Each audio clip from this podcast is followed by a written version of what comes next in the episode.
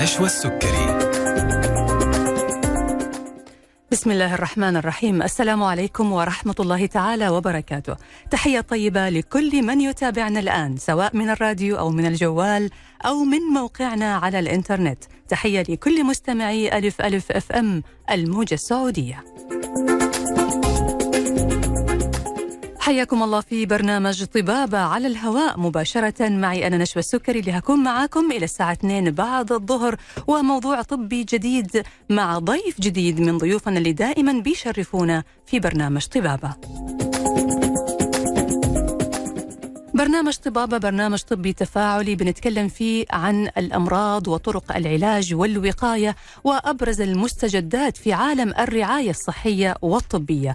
إذا حابين تتواصلوا معنا من خلال عيادة طبابة أونلاين بإمكانكم الاتصال على هاتف البرنامج 012 61 61 100 أو إرسال رسائلكم على واتس البرنامج 055 66 89 01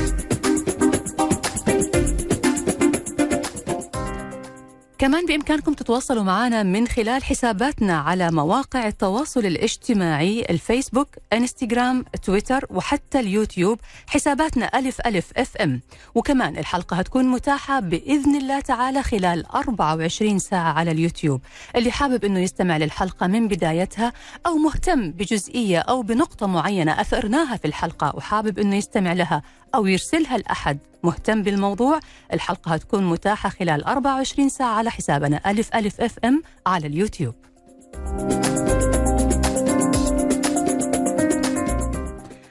موضوع حلقتنا اليوم أعزائي المستمعين موضوع مهم بالذات للناس اللي عندهم زيادة في الوزن وحاولوا أكثر من مرة أنهم يخسروا الوزن وفشلوا. حاولوا مثلا أنهم يتبعوا حمية غذائية ما قدروا. لعبوا رياضة لعبوا أسبوع أسبوعين شهر ما قدروا يواصلوا. هذا الحل هو حل سريع. ودائما الطب يوما بعد يوم بيفاجئنا بكل ما هو جديد ومفيد ليجعل حياتنا أيسر. والجديد اليوم اللي هنتكلم عنه في خسارة الوزن هي الكبسولة الذكية للتنحيف. مشكلة السمنة وزيادة الوزن هي من المشاكل المزمنة والموجودة عبر جميع الأزمان. ودائما ما كانت بتتصل بمشاكل صحية أكثر خطورة. لذا اليوم هنتكلم عن أحد التقنيات المتاحة الحديثة اللي بتساعد في خسارة الوزن للأشخاص اللي حاولوا أكثر مرة من مرة وما قدروا إنهم يخسروا وزنهم أو للأشخاص اللي عندهم مشاكل بسبب السمنة الزائدة وحابين إنهم يخسروا الوزن بهذه الطريقة. موضوعنا اليوم عن كبسولة المعدة الذكية المزايا والخطوات.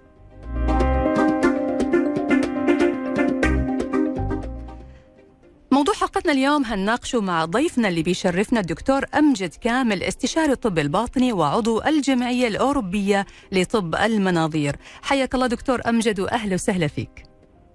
أهلا بيك أهلا بيك يا فندم واهلا بالسادة المستمعين. كل سنة وأنتم طيبين بمناسبة شهر رمضان المبارك. وحضرتك طيب إن شاء الله بصحة وسلامة دكتور أمجد. طيب دكتور موضوعنا اليوم موضوع مهم وكثير من الناس اللي عندهم زيادة في الوزن أو سمنة زائدة وعندهم مشاكل في المفاصل، مشاكل مختلفة وما هم قادرين ينزلوا وزنهم سواء بالحمية أو بالرياضة أو حتى بال- بالحبوب والأدوية والإبر اللي بدأوا ياخذوها.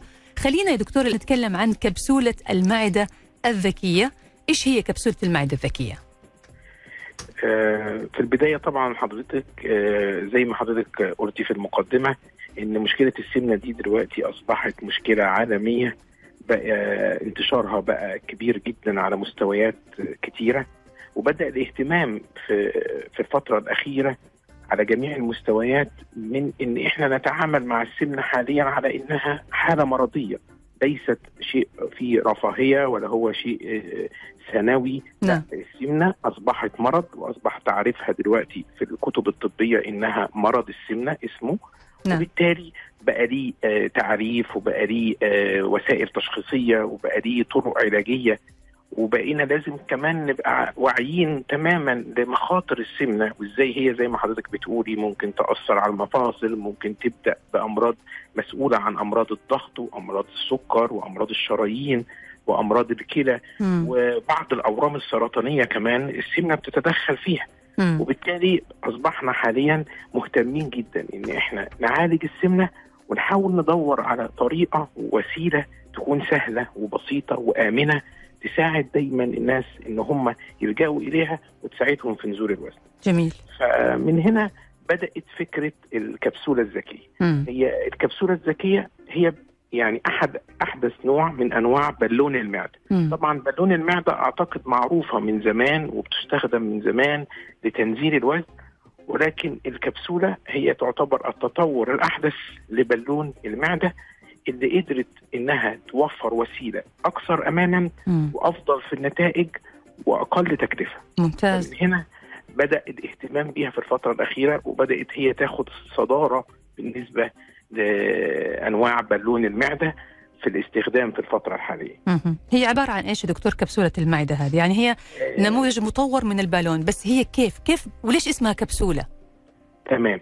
هي حضرتك ال- الكبسولة هي فعلا فعلا حجمها حجم الكبسولة بتاعة الدواء اللي إحنا بناخدها حباية الفيتامين مثلا كده هي في حجم التمرة. الصغيرة بالظبط تمام. آه، كنا في السابق مع البالون القديم إحنا كنا بنضطر إن إحنا نودي المريض يعني يعمل له زي العملية بالمنظار ون- ونحط البالونة وننفخها لا الكبسولة دي بقت سهلة جدا في حجمها الصغير ده المريض بيجي في العيادة بيتم بلع الكبسولة بالمية عادي زي ما بيشرب أي حباية دواء. تبتدي الكبسولة دي تنزل وتروح على المعدة. تمام. أول ما بتوصل إلى المعدة إحنا بنقدر آه، نعرف ده عن طريق جهاز الإشعة. بنحط المريض على جهاز الإشعة. نتأكد من وصول الكبسولة إلى المعدة. ونبدأ بعد كده نملاها. بنملاها بسائل بيكون اوريدي جاي مع البالونة نفسها مخصوص. بيكون عبارة عن زي المحلول الملحي بحجمه حوالي 550 مللي بنبدأ نملاها. بتتملي لغاية ما تتحول إلى بالونة جوه بطن المريض. بعدين بنبتدي نفصل ال- الحبل المسؤول عن ملي البالونة ونترك للمريض البالونة في بطنه. وكده يبقى الإجراء انتهى. بدون أي تخدير أو بنج أو عملية أو أي حاجة. ممتاز يعني ما بيحتاج المريض لا تخدير ولا بنج ولا حتى تخدير موضعي ولا أي شيء. هو بيبلعها زي زي أي دواء زي أي حبة دواء عادية. بالظبط بالظبط كده. هو الإجراء لا يوجد فيه أي نوع من أنواع الألم ولا ولا يوجد فيه أي نوع من أنواع ال- الفتحات الجراحية أو أي حاجة. وبالتالي لا داعي ابدا إن المريض ياخد تخدير لا موضعي ولا عام ولا أي حاجة. تمام. طيب حضرتك يا دكتور قلت إنه بتملؤوها بعد ما المريض يبتلع الكبسولة هذه وتوصل للمعدة وتتاكدوا انها وصلت المعدة. كيف بتملؤوها يا دكتور؟ يعني هل بيكون من خلال منظار ولا من خلال برضو الفم؟ لا هو تمام. سؤال جميل. هي الكبسولة آه. آه بعد ما المريض بيبلعها هي بيكون خارج منها لاين أو يعني لي آه متوصل آه. بالمحلول. من فم المريض برضه امم أمم. نبدا نملاها من فم المريض يعني بيكون لها آه، لي طالع منها أمم. ومنه بنبدأ نملاها بالمحلول الخاص بيها. بعد ما بنخلص عملية الملء تشيلوه بنفصل آه بنفصل بقى اللي ده خلاص ونترك البالونة في بطن المريض يبقى. الإجراء كله من فتحة الفم والمريض جالس قاعد معانا بيتكلم معانا بي- بيشوف كل حاجة بعينيه ما من غير ما نكون محتاجين إن إحنا ننيمه أو أي حاجة ممتاز دكتور الإجراء هذا بياخذ كم من الوقت يا دكتور الإجراء بيستغرق ربع ساعة من 15 إلى 20 دقيقة بالكثير. لأنه هو زي ما قلت لحضرتك هو خطوات يعني بن- بنبلع سهلة. الكبسولة نملى الكبسولة نصور الكبسولة بعد ما مليناها. ونفصل اللي و- والمريض بيروح. ممتاز يا دكتور. حلقتنا مستمرة معك دكتور. أمجد كامل استشاري الطب الباطني وعضو الجمعية الأوروبية لطب المناظير. هنعرف من حضرتك مين الأشخاص المرشحون لأخذ هذه الكبسولة أو التعامل مع هذا الإجراء. هل في مشاكل معينة؟ إيش مميزاتها؟ إيش الفرق بينها وبين التقنيات الثانية اللي حابب أنه ينزل وزنه؟ هل في وزن محدد لازم يكون واصل عنده ولا تصلح لجميع الحالات وجميع الأعمار وجميع الأوزان؟ هذه الأسئلة وغيرها نجاوب عليها بعد ما نرجع من الفاصل مع ضيفنا الدكتور أمجد كامل استشاري الطب الباطني. نستقبل أسئلتكم واستشاراتكم. أي سؤال حول كبسولة المعدة الذكية؟ الدكتور أمجد راح يجاوبنا عليه في الجزء الأخير من حلقتنا اليوم أرسلوا لنا من الآن على واتس البرنامج 055 66 89 صفرين واحد فاصل ونواصل.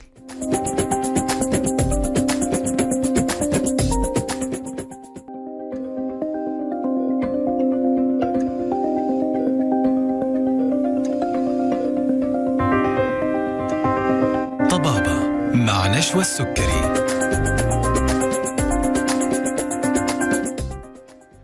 حياكم الله من جديد مستمعينا وأهلا وسهلا فيكم مرة ثانية في برنامجكم طبابة وعيادة طبابة أونلاين عبر أثير إذاعتكم ألف ألف أف أم الموجة السعودية. وضيفنا اليوم دكتور أمجد كامل استشاري الطب الباطني وعضو الجمعية الأوروبية لطب المناظير. موضوعنا اليوم عن كبسولة المعدة الذكية الكبسولة اللي بتساهم في خسارة الوزن وتحقيق النحافه كاجراء طبي باستخدام التقنيات الحديثة. لازلنا نستقبل أسئلتكم واستفساراتكم على واتس البرنامج 0 55 66 89 صفرين واحد. مرة ثانية 0 55 66 89 صفرين واحد. وأرحب مرة ثانية بضيف الدكتور أمجد. حياك الله دكتور أمجد. أهلا أهلين. طيب دكتور الآن إحنا فهمنا إيش هي الكبسولة الذكية وإيش الفرق بينها وبين البالون اللي كان بيتم طبعا كجراحة آه، من خلال طبعا التخدير ودخلوا البالون. يعني قصة طويلة. الكبسولة اختصرت كل هذا في 15 دقيقة أو في ربع ساعة. يطلع المريض من من العيادة وهو الحمد لله عنده البالون في معدته وتبدأ عملية خسارة الوزن.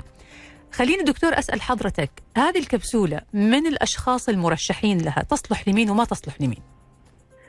من مميزات الكبسولة إن هي بتناسب تقريبا جميع فئات السمنة.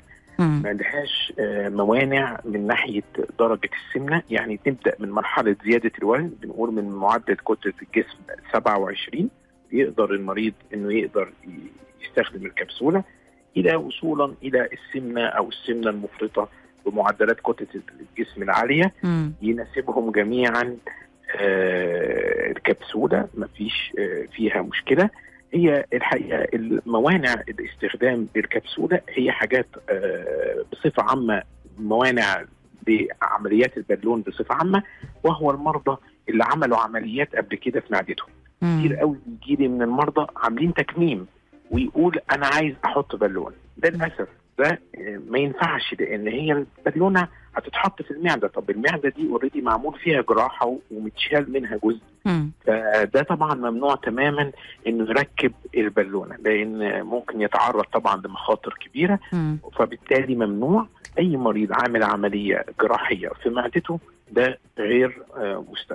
يعني ممنوع تماما إنه يركب البالون. مم. النقطة الثانية المهمة في الفحص الكلينيكي للمريض قبل الإجراء هو إن إحنا نطمن إن المريض معدته آه، بصفة عامة حالتها جيدة. يعني إحنا هنحط بالونة في المعدة. البالونة دي بتقعد أربع شهور. لازم نبقى مطمنين إن معدة المريض كويسة. مم. ما يكونش فيها مشاكل ممكن وجود البالون فيها يسبب تعب أكتر أو يسبب له مشاكل أكتر أو كده مثل إيش دكتور المشاكل هذه؟ يعني لو في مريض مثلا عارف إن هو عنده قرحة في المعدة. مثلا قرح المعدة. وبياخد أدوية قرحة المعدة. مريض عنده ارتجاع شديد في المريء.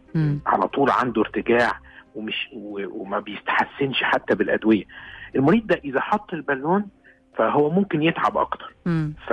فبالتالي أنا على طول ب... بقول للمريض لا ممكن بنعمل له بعض الفحوصات الأول بنتأكد إذا كانت المعدة فعلا آه، فيها آه، قرحة أو فيها التهاب أو فيها آه، أعراض ارتجاع شديدة. ده ممكن نقول له لا مش هتناسبك ال- البالون. بس أما أعراض مشاكل القولون أو مشاكل المعدة البسيطة أو الحاجات اللي زي دي فالحقيقة ما بيكونش فيه مشكلة ابدا في استخدام الكبسولة وهي طبعا كمان آه، بيميزها جدا فكرة إن إحنا ما بنلجأش لل- للتخدير.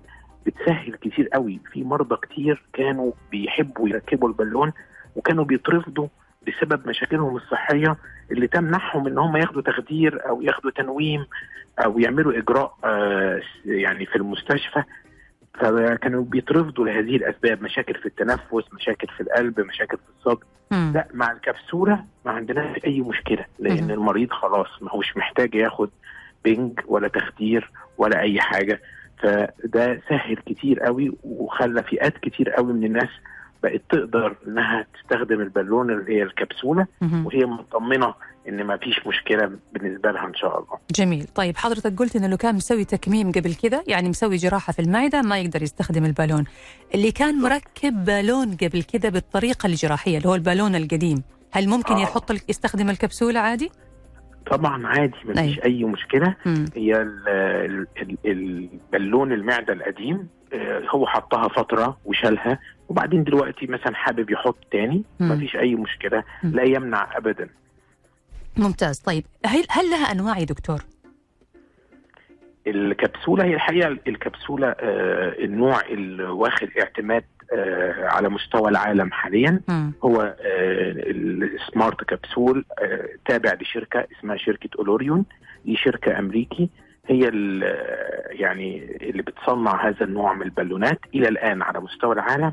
هو ده اللي ابروفد هو ده اللي بيستخدم هو ده اللي إحنا الحقيقة حريصين إن إحنا نستخدمه هنا مع المرضى بتوعنا مم. عشان نكون آه، دايما موفرين لهم آه، الأفضل والامن مهم. بعيدا عن أي أشياء تانية ممكن تكون مش مجربة كويس مش معتمدة إنما طبعا معروف آه، شركة أولوريون والكبسولة الذكية بتاعتها ومن سنة 2009 وهم شغالين في هذا المجال من ساعة ما اكتشفوا هذه الفكرة وإلى الآن بيطوروا كل سنة بيطوروا في البالون عشان تكون أفضل أيوه طبعا موضوع الأمان كمان يعتبر من الأولويات المهمة في موضوع ال- الكبسولة هذه صحيح. صحيح وهي دي اللي بيميزها الحقيقة يعني إحنا اتكلمنا على إن إحنا مش بنحتاج تخدير ومش بنحتاج آه،. مستشفى مم. كمان في ميزة في البالونة دي مم. كتير قوي قوي من الناس اللي ركبت البالونة القديمة مم. ما كانوش بيتحملوها يعني بيحط البالونة ويجي بعد أسبوع بعد أسبوعين يبغى يشيلها عايز يطلعها مم. يبغى يشيلها. ليه تعبته سببت له تقرحات في المعدة سببت له نزيف في المعدة سببت له انسداد كل الحاجات دي خلاص الحمد, الحمد لله مع الكبسولة الذكية معمولة من مادة مريحة جدا للمعدة المادة اللي متصنعة منها مريحة للمعدة ما بتعملش تهيج في المعدة زي ما كانت البالونة الأولانية. دي نقطة مهمة جدا. النقطة الثانية إن هي آه، معاها يعني بتتملي standard مش ل- للدكتور إن هو يزود في المحلول أو ينقص في المحلول. هو standard اللي هو ال standard الآمن للمعدة اللي ما يسببش فيها تقل عليها يعمل فيها التهاب يسبب التهابات في المنطقة المجاورة. فبالتالي دي ميزتها برضو إنها standard ما فيش فيها اجتهاد من الدكتور إنه يزود أو ينقص. كان ممتاز ده بيعمل مشاكل مع البالونة. القديمة. مهم. آه، آخر حاجة بالنسبة لها برضو كميزة رائعة فكرة إنها مش محتاجة إنك تطلعها. هي هتنزل لوحدها. أيوه. طبعا شيء يعني ما رائع. هيدخل زي البالون القديم يدخل يسوي عملية عشان يشيل البالون. بالظبط. دي يعني دي برضو من المميزات الكبيرة لأن المريض بتاع البالون السابق كان بيضطر لازم يراجع الدكتور تاني. عشان يشيل له البالون تاني برضو بعملية تاني في مستشفى بتخدير لا دي هي هتنزل لوحدها. بعد آه، 120 يوم تقريبا في المتوسط تقريبا أربع شهور بتبدأ هي تفك لوحدها وتبدأ السائل اللي إحنا كنا مليناها بيه ينزل. وده سائل زي ما قلت لحضرتك. زي المحلول الملحي. مفيش منه أي مشكلة وتبدأ هي تتحول تاني لقطعة صغيرة جدا بتبتدي تخرج من المريض بعد كده البراز. من غير ما هو حتى يشعر أو يحس بيها أو أي حاجة. ممتاز طيب آه، البالون القديم يا دكتور كان بيسبب غثيان ورغبة في القيء عند بعض الناس هل الكبسولة برضو بتكون ممكن تسبب هذه ال- الأشياء وهذه الأحاسيس يعني؟ آه، طبعا لازم نبقى فاهمين إن لازم لازم في أول أسبوع بعد تركيب الكبسولة. هيكون في إحساس ده. ده شيء لا نستطيع إن إحنا ننكره. وهو شيء مقبول جدا. مفيش منه مشكلة. إنك أنت هتعاني في أول ثلاث أيام إلى أربع أيام من غثيان من ألام في البطن من استفراغ. صح. لأن في جسم في غريب. غريب بقى صحيح في جسم. غريب. نعم نعم.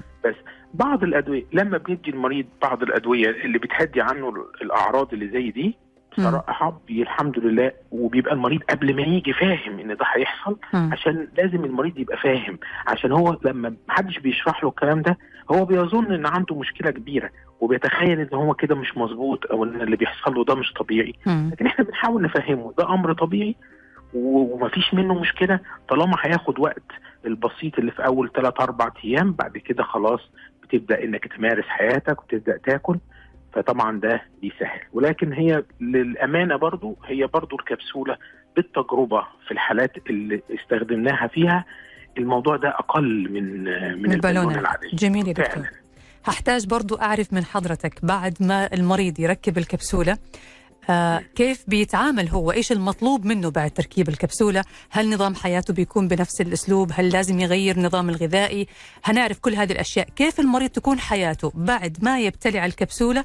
وإيش النتائج المتوقعة وخلال كم من الفترة الزمنية؟ هذه الأسئلة وغيرها نطرحها على ضيفنا الدكتور أمجد كامل استشاري الطب الباطني وعضو الجمعية الأوروبية لطب المناظير.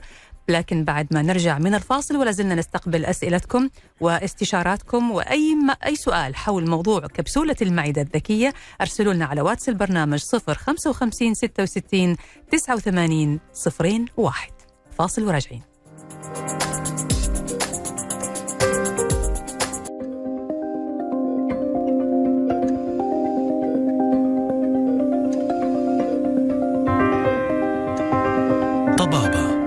مع نشوى السكري حياكم الله من جديد مستمعينا الأعزاء وأهلا وسهلا فيكم مرة ثانية في برنامجكم طبابة وعيادة طبابة أونلاين مع ضيفنا اليوم الدكتور أمجد كامل استشاري الطب الباطني وعضو الجمعية الأوروبية لطب المناظير وموضوعنا اليوم عن كبسولة المعدة الذكية المزايا والخطوات وكيفية استخدامها وما هي النتائج المتوقعة منها. مع ضيفنا الدكتور أمجد ومع مستمعينا اللي دائما بيتابعونا وبيتفاعلوا معنا وهنجاوب إن شاء الله على أسئلتهم في الجزء الأخير من حلقتنا اليوم. ولا زلنا نستقبل أسئلتكم واستشاراتكم واستفساراتكم على واتس البرنامج 055 66 89 صفرين واحد. أرحب فيك دكتور أمجد مرة ثانية. أهلا بك أهلين. دكتور الآن إحنا بنتكلم عن ما بعد تركيب الكبسولة أو ابتلاع الكبسولة. إيش المطلوب مني أنا بعد ما أخذت الكبسولة كيف أتعامل في حياتي كيف آكل كيف أشرب كيف هل ألعب رياضة كيف أعيش حياتي يعني؟ سؤال جميل طبعا. هو إحنا آه لازم نفهم إن إحنا بعد تركيب الكبسولة لازم يكون لينا تغيير في نمط حياتنا بشكل عام. م. عشان نقدر إن إحنا ناخد أكبر فايدة ممكنة منها في الفترة اللي هي موجودة فيها.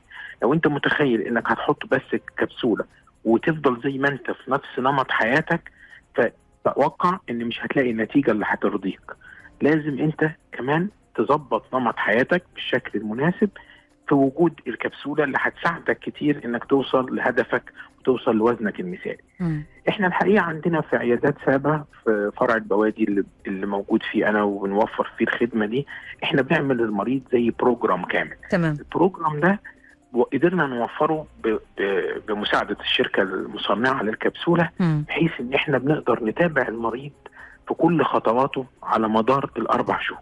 ممتاز. المريض لما بيركب الكبسولة بياخد ميزان إلكتروني تابع للشركة المصنعة وبياخد smart watch برضه تابعه للشركة المصنعة وبينزل application على الموبايل.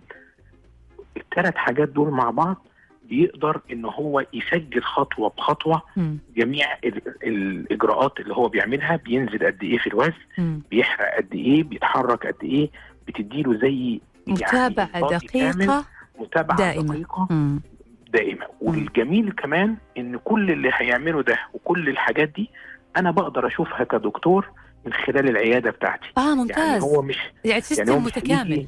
أيوه. system متكامل. مم. مش هيجي يقول لي زي مع البالون القديم أنا أنا عملت كل حاجة بس ما بخسش ما بنزلش. وأنا مش قادر أراقبه مش قادر أمسك إيه الغلطة فين. مم. لأن هو بيتكلم كلام مرسل ما عنديش document لكن هنا لأ. مم. كل خطوة هيتحركها كل كالوري هيحرقه كل كيلو هينزله أنا براقبه عن طريق ال program ده.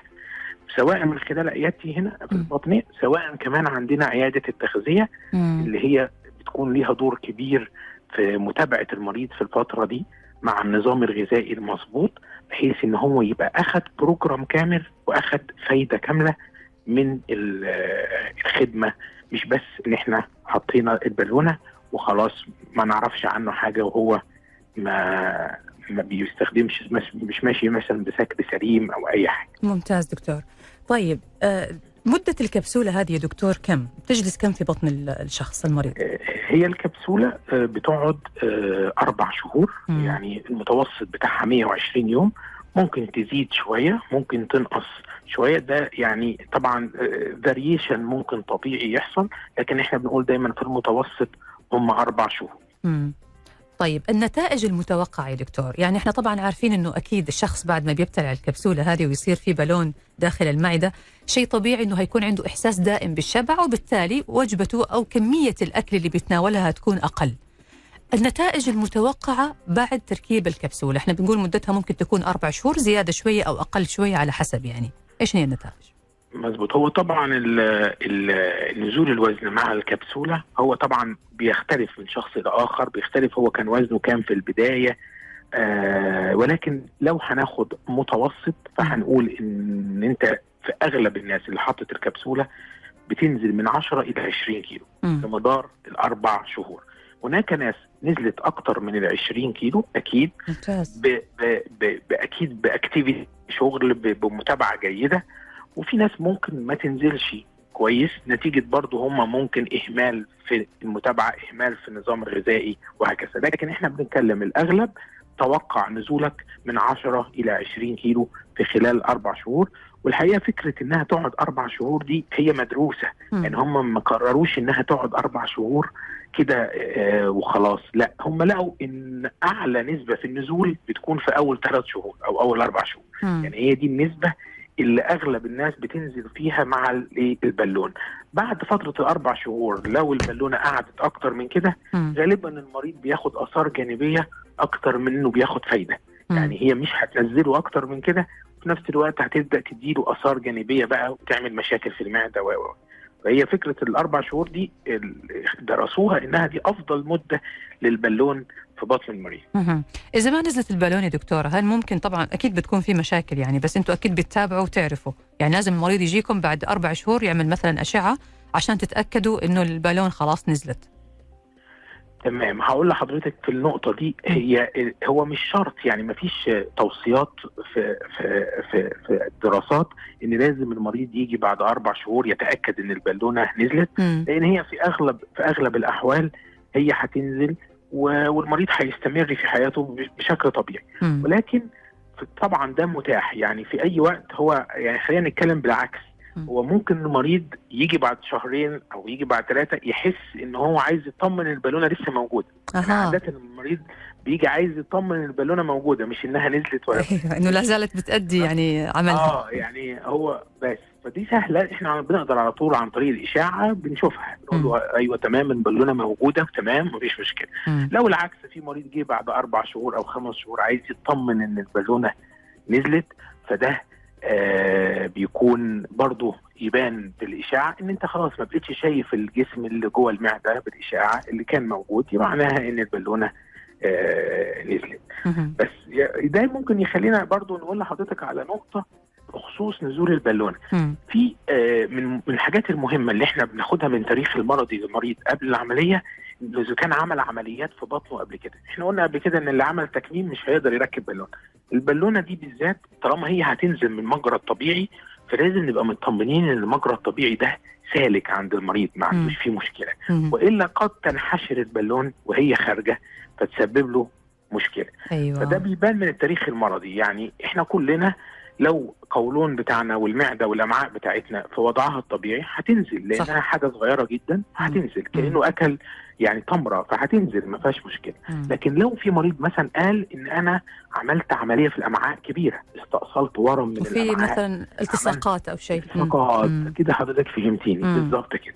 فإحنا لما بناخد التاريخ ده آه عمل مثلا عملية زي ده عمل عملية مرارة ده لا يمنع إن هو يركب الكبسولة عادي لكن لو قال لي إن زي ده انفجرت واضطريت ان أعمل عملية كبيرة وتم استئصال جزء مثلا لا ده ما يركبش بقى لأن كده ال- الالتصاقات هتكون كتير وهيكون المجرى الطبيعي ده اتغير مغلق ممكن التدخل ضيق الجراحي. ضيق أي آه يبقى الأفضل نقول له لا ما تحطش الكبسوله مم. مم. دي يعني النقطة آه، حبينا. ننبه إليها جميل دكتور رمضان داخل علينا إن شاء الله يا رب الله يعني يجعله شهر خير وبركة وطبعا نحتاج نعرف اللي مركب كبسولة كيف هيكون نظام حياته في شهر رمضان ونظام أكله وطبيعة حياته بشكل عام؟ هنعرف الإجابة على هذا السؤال بعد ما نرجع من الفاصل ولا زلنا نستقبل أسئلتكم على واتس البرنامج 055 66 89 صفرين واحد فاصل وراجعين مرة ثانية لحوارنا مع الدكتور أمجد كامل استشاري الطب الباطني وعضو الجمعية الأوروبية لطب المناظير. فاصل وراجعين.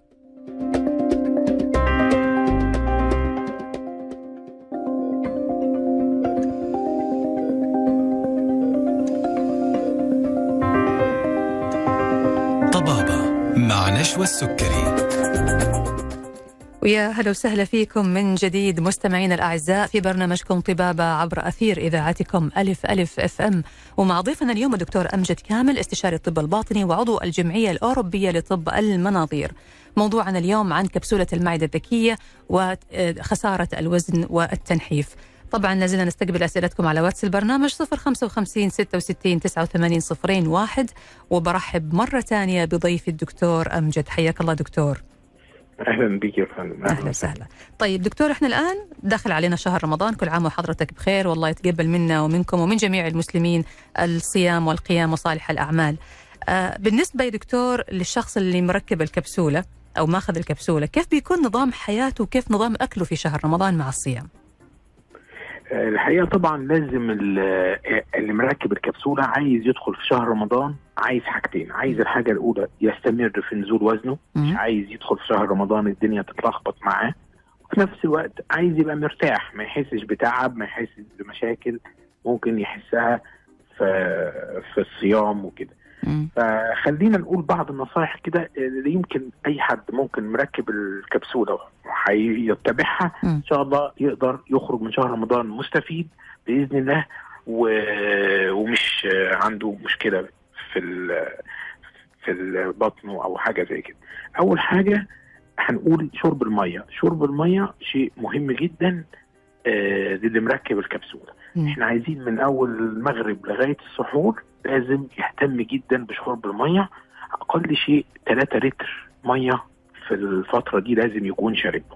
شرب المية بيفيد جدا اولا لأنه هيحسن آه عملية التمثيل الغذائي عنده هيساعد في عملية الهضم في نفس الوقت هيحميه من الجفاف اللي ممكن يحس بيه في نهار رمضان والصيام مم. وبالتالي هيستفيد مع شرب المية وهيساعده في نزول الوزن كمان. تمام الحاجة الثانية مهمة الوجبات هياكل إزاي في رمضان؟ إحنا. دلوقتي معدتنا صغرت وبقى فيها البالون فبالتالي إحنا مش هنقدر ناكل وجبة على الفطار كبيرة أو هناكل وجبة على السحور كبيرة مفيش مكان لو أنت عملت كده هتتعب قوي صح فهي هتبقى الوجبة مقسمة هي وجبة هتتقسم على الفطار جزء وده بيكون الجزء الأقل وعلى السحور هيكون جزء ممكن الأكبر شوية مم. فقط لا غير ولا داعي لأن هو في وسط ما بين الوجبتين يقعد ياخد حاجات ياكل حاجات لا مش عايزين ده. إحنا هنقسم الوجبة على جزئين. فقط. النصيحة الثالثة وجبة السحور لازم تكون بدري. مم. مش هيقدر إنه ياخد وجبته. إحنا قلنا قسمنا الوجبة على جزئين. إيه. الجزء الثاني ده إحنا عايزينه مثلا على الساعة 11 في الليل أو 12 بحد أقصى عشان البالونة بتبطئ جدا عملية الهضم. فلو هو أكل وحاول ينام على طول هيتعب جدا. مم. لأن هيكون الأكل في معدته هيعاني من مشاكل الارتجاع والانتفاخ وممكن يقوم يستفرغ. فبالتالي إحنا عايزين السحور يكون بدري عشان يلحق يهضم شوية عشان ما يتعبش أثناء النوم وما يتعبش في النهار كمان. تمام. آخر حاجة أنا بنصح معظم أو أغلب المرضى بتوعي اللي بيركبوا معايا الكبسول إن إحنا ناخد دواء لحموضة المعدة أحد أدوية الحموضة. هياخده قبل وجبة السحور بحيث إن هي تبقى زي صمام أمان بس تريح له المعدة وتحميه من أي أعراض الارتجاع أو التعب أو الحاجات اللي ممكن تحصل مع آه، الصيام ومدة الصيام الطويلة يعني. تمام يا دكتور الله يعطيك العافية. طيب في عجالة كده يا دكتور ناخذ الأسئلة اللي جاتنا إن شاء الله نلحق نجاوب عليها. آه عندنا السؤال الأول السلام عليكم. حبيت أسأل الدكتور للشخص اللي عمل أكثر من عملية قيصرية للمرأة اللي عملت عملية قيصرية ثلاث مرات. هل تناسبها الكبسولة؟ لأنه في دكتور قال ما تناسب خوفا من الالتصاقات وقت نزول الكبسولة. بس هنا بنتكلم عن قيصرية. مظبوط. سؤال طبعا ممتاز. مم. حقيقة آه آه كان في آه تعميم سابق بخصوص القيصرية بالذات إن اللي عامل أكتر من ثلاث عمليات قيصرية مش مستحب يركب الكبسول عشان موضوع الالتصاقات اللي حضرتك كنا بنتكلم فيه ده. ولكن في أحدث تعميم طلع آه السنة اللي فاتت سنة 2022 شالوا شالوا البند ده من موانع تركيب الكبسول أو قالوا إن العملية القيصرية بتتم في الجزء السفلي بعيدا عن أيوه. بعيدا بعيدا عن المعدة وبعيدا عن الأمعاء وبالتالي لا مانع لو عامل ثلاث قيصريات أو أربع قيصريات. مفيش أي مشكلة طالما أنت بعيد عن منطقة الأمعاء. أنت هنا أقرب لمنطقة القولون ما بيكونش فيها مشكلة يعني لكن تقدر تسويها. آه لكن هو بشكل عملي أنا المريضة لما بتجيلي في عيادات سابه وبتسألني في النقطة دي أنا بقول لها هل أحد القيصريات دي نتج عنها إنك أنت حصل فيها مشكلة العملية يعني كان العملية يعني صعبة أو كان فيها مشكلة جالك آه، ثقب في الأمعاء أو في القولون أثناء العملية اضطريتي تقعدي في المستشفى وقت مم. أطول؟ مم. لو في حاجة من الحاجات اللي زي دي يبقى ما ينفع. مش هينفع. تمام. إنما لو مشيت سموث وما فيش مشكلة بقول لها خلاص عادي ما فيش مشكلة. حلو. طيب ناخذ السؤال الثاني دكتور. آه يقول السلام عليكم ركبت الكبسولة الذكية من ثلاثة أسابيع. بشكل عام الأمور طيبة لكن لاحظت ما يلي. أولا زيادة نسبة الغازات بالبطن بشكل ملحوظ. عندي حرقان في المعدة من فترة لأخرى وأحيانا أشعر بالتعرق الملحوظ في عموم الجسم. كمية الأكل اللي بتناولها أصبحت قليلة بشكل كبير جدا. هل سيؤثر هذا على الشعور بعدم الحيوية والكسل خلال فترات متفرقة من النهار؟ هذا سؤال. تمام. طبعا يعني الإجابة على السؤال ده آه واضحة جدا. هو محتاج إن هو يراجع نظامه الغذائي ومحتاج إنه يراجع الدكتور. عشان يشوف هو محتاج ياخد إيه واضح كده إن أكله ليه هو عنده غازات على طول في البطن وعنده حموضة وعنده حاجات زي كده. لأن هو لا إما ما بياخدش دواء المعدة اللي إحنا قلنا عليه اللي هو دواء الحموضة أو كده عشان يهدي عنه الأعراض دي لأن طبعا وجود جسم غريب في المعدة هيصاحبه بعض الأعراض اللي زي كده. فكرة الغازات الكتيرة والتعرق وحاسس إنه بياكل قليل وخايف إن يجيله نقص فيتامينات ده معناها إن نظام الأكل مش مظبوط. تمام. فعشان كده إحنا ننصحه هو لو راجع آه، عندنا في عيادات سابة سواء مع أخصائية تغذية أو عندي في عيادة البطنة حطوا له نظام غذائي. آه هيقدر إن هو يستفيد ويكمل لكن أنا بطمنه إن الأعراض دي مش مقلقة خالص لكن هي محتاج إنك ترجع للدكتور متخصص يقدر ينظم لك العملية دي بحيث إنك تقدر تكمل. إن شاء الله لانك لسه في أول ثلاث أسابيع. تمام تمام. طيب في دكتور سؤال كمان وهناخذ هذا السؤال الأخير وبعتذر لبقية المستمعين ما هقدر أقول أسئلتهم. آه يقول آه، ما رأي الدكتور بالابر اليومية لخسارة الوزن؟ وهل لها تأثير؟ وهل ينصح بها؟ هو السؤال خارج شوية عن نطاق الحلقة اليوم بس تقول بليز صحيح. أحتاج الإجابة إن أمكن لأني راح أبدأ فيها بكرة. فهي يعني سؤال استغاثة تقول.